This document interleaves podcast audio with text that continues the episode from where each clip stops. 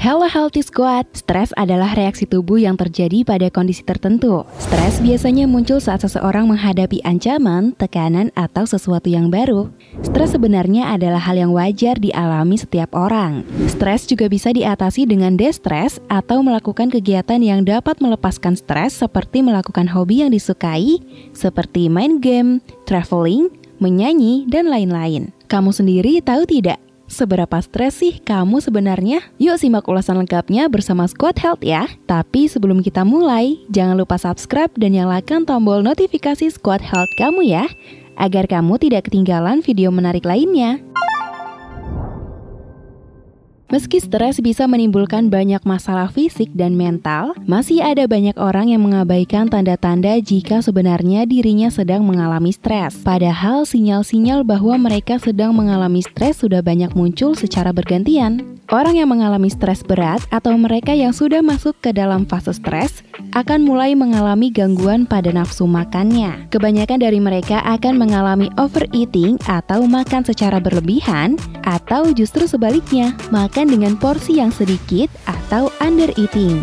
Saat sedang mengalami stres, orang juga akan lebih senang makan makanan yang manis dan juga lebih berminyak dibanding biasanya. Makanan manis, gurih, dan berminyak biasanya digolongkan sebagai comfort food atau makanan yang bisa memberikan rasa nyaman sesaat setelah kita memakannya. Sayangnya, ada beberapa orang yang sedang mengalami stres, mereka bisa makan makanan manis dan berminyak terus-menerus sehingga bisa berakibat kegemukan dan juga obesitas. Meski sakit adalah hal yang biasa menyerang tubuh manusia, dalam kondisi stres tinggi, sistem kekebalan tubuh Anda akan berkurang sebanyak 30%. Hal ini memungkinkan kamu jadi mudah sakit dan terkena beberapa penyakit seperti flu, sakit kepala, demam, dan masalah pencernaan. Kamu yang sedang stres pasti tidak mengira jika diare, rasa tidak nyaman saat makan dan nyeri di perut, asam lambung, bahkan konstipasi yang kamu rasakan bukanlah berasal dari makanan yang kamu makan. Ini bisa jadi pertanda jika kamu sedang stres. Apakah kamu pernah merasa bahwa sering lupa menaruh sesuatu padahal baru saja kamu pegang? Kamu mungkin tidak sadar bahwa lupa yang sering kamu rasakan adalah akibat dari stres yang kamu abaikan. Stres juga bisa menyebabkan kamu menjadi lebih sulit mengingat sesuatu. Memorimu seakan tidak bisa bekerja dengan baik. Bahkan di beberapa kasus, stres bisa membuat seseorang menjadi kesulitan berkonsentrasi melakukan beberapa hal loh. Stres bisa menyebabkan seseorang jadi punya gangguan tidur seperti insomnia. Hal ini akan berdampak pada siklus tidurmu kamu akan tidur larut malam dan menghabiskan waktu tidur seharian. Adapun orang yang stres berlebihan justru sebaliknya akan lebih sering tidur jauh lebih banyak dari biasanya. Mereka merasa dengan tidur, stres dan tekanan yang dialami akan sedikit berkurang.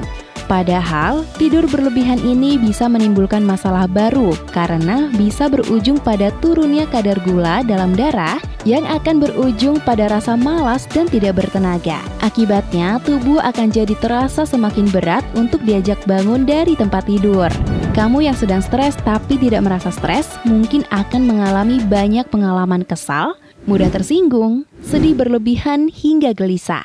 Stres juga bisa berpengaruh pada otot tubuh yang mendadak bisa terasa sakit tanpa sebab yang jelas. Meski tidak semua stres bisa berujung pada depresi, tapi stres yang berlebihan bisa menjadi pemicu terjadinya depresi atau stress dysregulates bodily functions and moods.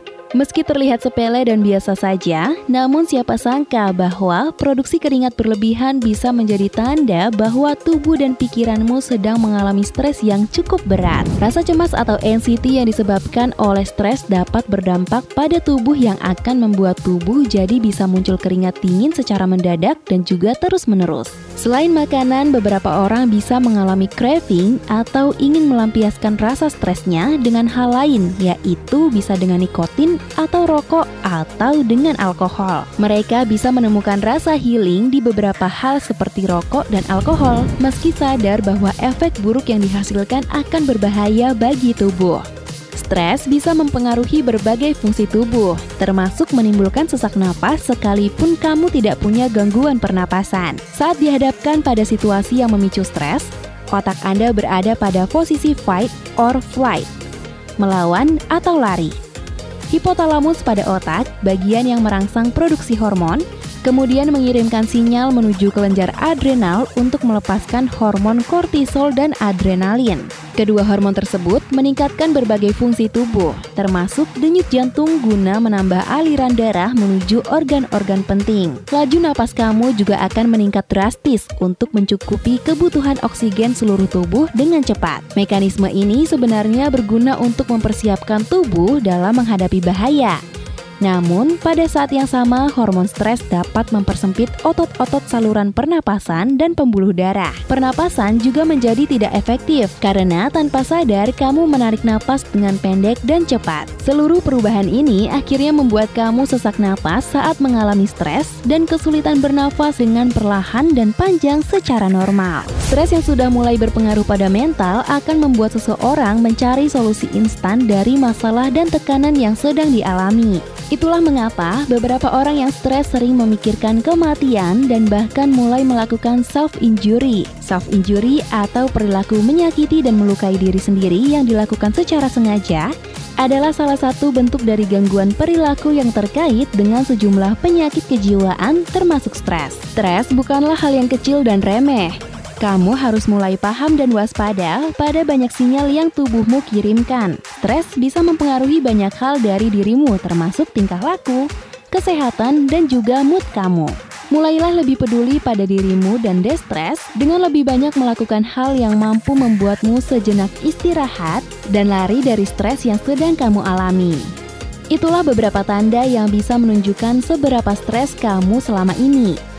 Jika kamu menemukan dirimu mulai melakukan self-injury, jangan ragu untuk menemui ahli untuk berkonsultasi tentang masalah kamu ya Healthy Squad, agar kamu bisa segera mendapatkan penanganan.